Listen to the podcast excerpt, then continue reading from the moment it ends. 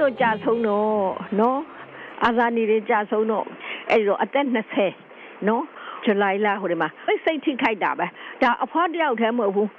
တတိုင်းပြည်လုံးနော်အဖွားတို့နဲ့အနည်းဆက်ဆုံးဒီတရက်ကွက်လုံးတလန်းလုံးอ่ะတခါတည်းကိုအရန်ကိုစိတ်ထိခိုက်ပြီးအဖွားတို့မျက်ရည်ကျရတယ်။ဘာလို့ဆိုဒီလွတ်လပ်ဖို့ကြိုးစားနေတဲ့အထဲမှာလေနော်အဖွားတို့ကပါလာရတာကိုအဖွားတို့ရင်ထဲမှာထိခိုက်ရပါတယ်။ အဲ့ဒါကတော့လွန်ခဲ့တဲ့82နှစ်ဖြစ်တဲ့1948ခုဇူလိုင်လ19ရက်နေ့နေ့10နာရီ30မိနစ်မှာယူနီဖောင်းဝတ်လက်နက်ကင်တစုကရန်ကုန်မြို့လေရှိအတွင်းဝင်များရုံးကိုဝင်ရောက်ခါဗိုလ်ချုပ်အောင်ဆန်းနေတကွအာဇာနည်ကောင်းဆောင်တွေဖြစ်ကြတဲ့မမတ်ခိုင်မိုင်းပွန်စောဘွားဆက်ဆွန်ထွန်းတခင်မြဒီတို့ဥပချိုးဥရဇဥပဝင်းအတွင်းဝင်ဦးအောင်မောင်နဲ့ရဲဖော်ထွေးတို့ကိုလှုပ်ကြံခဲ့တဲ့အတင်းကြားရစဉ်ကတနိုင်ငံလုံးယူကျုံမရဖြစ်ခဲ့ကြတယ်ဆိုတာကို အခုအသက်တရာနီးပြီဖြစ်တဲ့ဒေါက်ခင်မီကပြန်ပြောင်းပြောပြခဲ့တာပါဒေါက်ခင်မီကပဲဆက်ပြီးဗြိတိရှကိုလိုနီလက်ထက်မြမလွတ်လပ်ရေးကြိုးပမ်းမှုမှာထိုစဉ်သခင်မကြီးတွေပါဝင်ခဲ့တဲ့အခန့်ကဏ္ဍကိုလည်းအခုလိုအမှတ်တရပြောခဲ့ပါတယ်သခင်မကြီးတွေကတော့အလုံးကဒီလွတ်လပ်ရေးအတွက်ရမ်းပြီးစ조사ကြတာပဲလေနော်သူတို့အသက်တွေပါတယ်လဲမမှုဘူး တရားမှလည်းမကြောက်ဘူးဘာလို့မှမကြောက်ဖ ೇನೆ သူတို့တခါတည်းဒီလွတ်လပ်ရေးကြိုးပမ်းခဲ့ကြတာပဲနော်အဲ့ဒီအချိန်မှာလွတ်လပ်ရေးကြိုးပမ်းနေတဲ့အချိန်မှာကဖွားဖွားအဲ့ဒီမှာလူလားမြောက်လာတာဟိုမှာစစ်ဖြစ်တော့ဖွားဖွားအသက်ကဟိုတည်းလောက်ပဲရှိမယ်73နှစ်လောက်ပဲရှိမယ်1941မှာနော်စစ်ကြညာတော့ အဲ့ဒီစစ်ကြေညာပြီးမှဒါပေမဲ့ဒီတော့ဒီလွတ်လပ်ရေးကြိုးပမ်းနေတာကတော့စစ်မဖြစ်ခင်တည်းကကြိုးပမ်းကြတာပါပဲဒါဖွားဖွားအစာတွေရဲ့အတွေ့အကြုံနောက်ဖွားဖွားအဖေကလည်းငကနီတွေဖတ်တယ်နောက်တော့သူကသခင်ဒီလွတ်လပ်ရေးကြိုးပမ်းမှာဆိုလို့ရှိရင်ဖွားဖွားတို့ဆိုလို့ရှိရင်တပိတ်မှောက်ရတဲ့ကျောင်းကိုအဲ့အချိန်တော့ဖွားဖွား၃တန်း တပိတ်မှောက်ရတဲ့စစ်မပြေခင်ဖွားဖွားအမေကကျောင်းဆရာမကျောင်းမတက်ရဘူးပေါ့နော်ဖွားဖွားတို့အဲ့လိုပဲသူတို့ပြောခဲ့တယ်နောက်တော့လွတ်လပ်ရေးကြိုးပမ်းတဲ့ဖော်ပြောပွဲတွေဆိုလို့ရှိရင်ကြီးမနိုင်မှာနေတယ်ဆိုတော့တခါတည်းဖွားဖွားမေမေကိုရောဖွားဖွားရောခေါ်ပြီးတော့တခါတည်းဖွားဖွားဖေဖေကအဲ့ဒီအရက်ထဲမှာတရားပွဲတွေချတာကိုသွားပြီးတရားနားထောင်ရတယ်အာဇာနည်တော်များများတို့ဘယ်သူတို့ပေါ့နော်လွတ်လပ်ရေးကျိုးပန်းတဲ့ကာလကိုမှီလိုက်တဲ့ဒေါခင်မီပြောသွားတာပါ ဒေါခင်မီနဲ့တူထိုစဉ်ကာလကိုမှီလိုက်သူနောက်တူကတော့ဒေါခင်ကြီးကြီးဖြစ်ပါတယ်ဒေါခင်ကြီးကြီးကတော့ကွယ်လွန်သူစာရေးဆရာကြီးတိမ့်ဖေမြင့်ရဲ့ဇနီးလေးဖြစ်လက်ရှိမြို့သားဒီမိုကရေစီအဖွဲ့ချုပ်ပြောခွင့်ရပုဂ္ဂိုလ်တူလည်းဖြစ်တဲ့ဦးဟန်တာမြင့်ရဲ့မိခင်လည်းဖြစ်ပါတယ်အခုအသက်တရာနီးပြီဖြစ်တဲ့ဒေါခင်ကြီးကြီးဟာမြမလွတ်လပ်ရေးကျူပမှုမှာပါဝင်ခဲ့သူတူဖြစ်ပါတယ်သူ့ရဲ့ပြန်ပြောင်းပြောပြချက်ကနိုင်ငံရေးဆိုတော့မလုပ်တာလည်းကြာပြီပေါ့နော် ရောက်တာကလည်းအဲ့ဒီတုန်းကဟိုဂျပန်ဒေါ်လာရေးပေါ့နော်ဖက်စစ်ဒေါ်လာရေး movement ထဲမှာပါရင်းနဲ့အဲ့ဒီနိုင်ငံရေးတွေရောက်သွားတာပေါ့လေအမှန်ကတော့နိုင်ငံရေးလေလို့တစ်စလုံးတစ်ခါမှလည်းမလုပ်ဘူးကြောင်းလုံးကလည်းဒီလိုပဲရှင်းပါတယ်နေခဲ့တာခိုင်အေးအေးပဲနေခဲ့တာဒါပေမဲ့ဂျပန်ခေတ်ရောက်တော့ဂျပန်ကိုတော့သိပြီးတော့မုန်းတယ်ပေါ့နော်အဲ့တော့ဂျပန်ဒေါ်လာရေးအတွက်ဆိုပြီးတော့လာပြီးတော့ organize လုပ်ကြတဲ့အခါကျတော့ organize လုပ်တာက အဲ့ဒီတော့ဖြာပုံမှန်နေရပါတယ်1944ပေါ့နော်ဖြာပုံကအဲ့ဒီက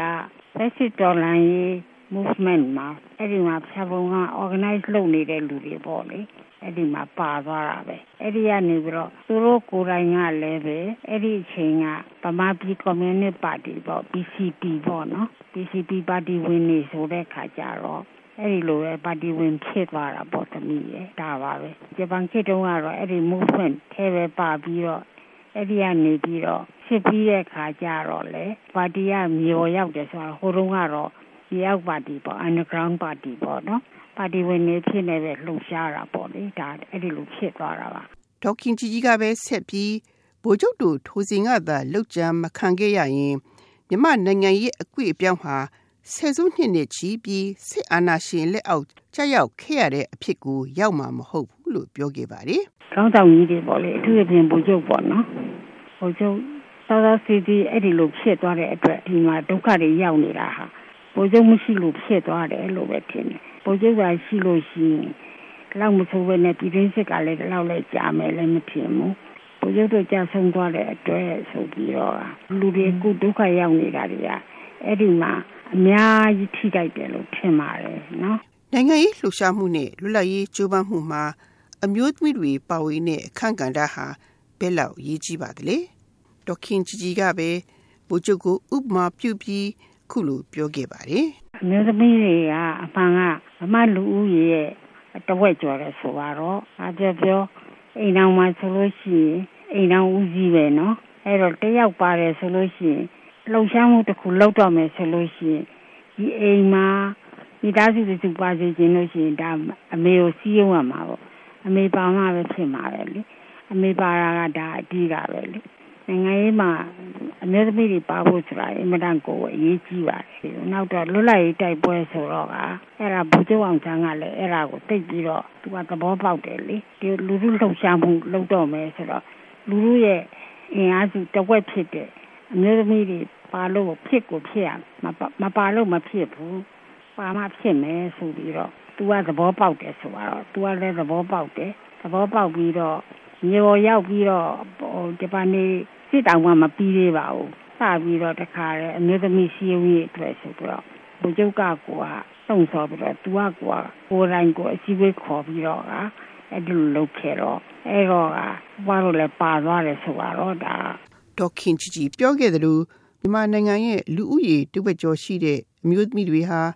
သူတို့ခေတ်ကလွတ်လပ်ရေးတိုက်ပွဲဝင်ရမှာပါဝင်ခဲ့ကြတယ်လို့လူလူလှုပ်ရှားမှုလုပ်ရင်လေ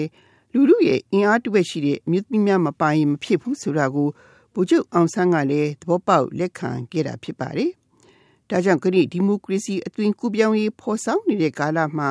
မြန်မာအမျိုးသမီးတွေနိုင်ငံရေးမှာပါဝင်ခွင့်ရရှိတဲ့အခန့်ကဏ္ဍကဘယ်လောက်ရှိပါသလဲ။ 2015ခုနိုဝင်ဘာလရွေးကောက်ပွဲမှာ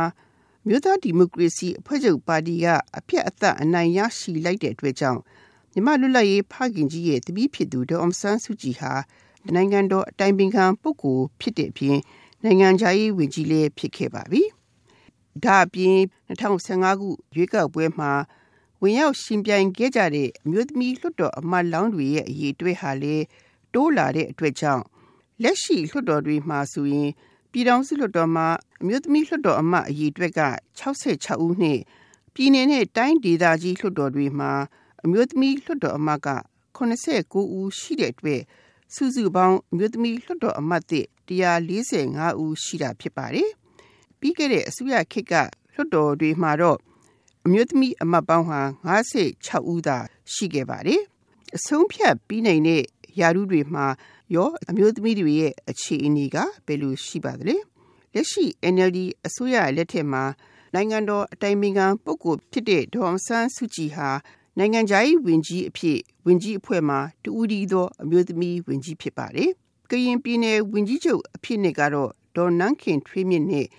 တင်းတာရီဝန်ကြီးချုပ်အဖြစ်နဲ့ကတော့ဒေါ်လဲ့လဲ့မော်တို့ကိုခန့်အပ်ထားတာတွေ့ရပါတယ်။မချသေးမီကကျင်းပခဲ့တဲ့ NLD ပါတီရဲ့အမျိုးသမီးများညီလာခံမှာတော့ အမျိုးသမီးတွေနိုင်ငံရေးမှာပါဝင်ခွင့်အားပေးနိုင်ဖို့တချို့နိုင်ငံတွေမှာကျင့်သုံးနေပြီးတချို့အမျိုးသမီးလှုပ်ရှားသူတွေကတောင်းဆိုနေကြတဲ့အမျိုးသမီးတွေအတွက်ကိုတာစနစ်သတ်မှတ်ပေးဖို့တောင်းဆိုချက်တွေကို NLD ပါတီခေါင်းဆောင်ဒေါအောင်ဆန်းစုကြည်ပါဝင် NLD အမျိုးသမီးများအဖွဲ့ကလက်မခံကြောင်းထုတ်ဖော်ပြောကြားခဲ့ပြီးမြို့သမီးတွေအရေးအချင်းမြင့်တင်ပေးပြီးအရေးအချင်းရှိလို့ရှိရင်ပါဝင်ခွင့်ရလာကြမှာဖြစ်တယ်လို့ ပြောကြပါကြောင်းတင်ပြရင်းဒီသတင်းပတ်ရဲ့မြို့သမီးများကဏ္ဍကိုညီကုန်းချုပ်အပ်ပါတယ်ရှင်။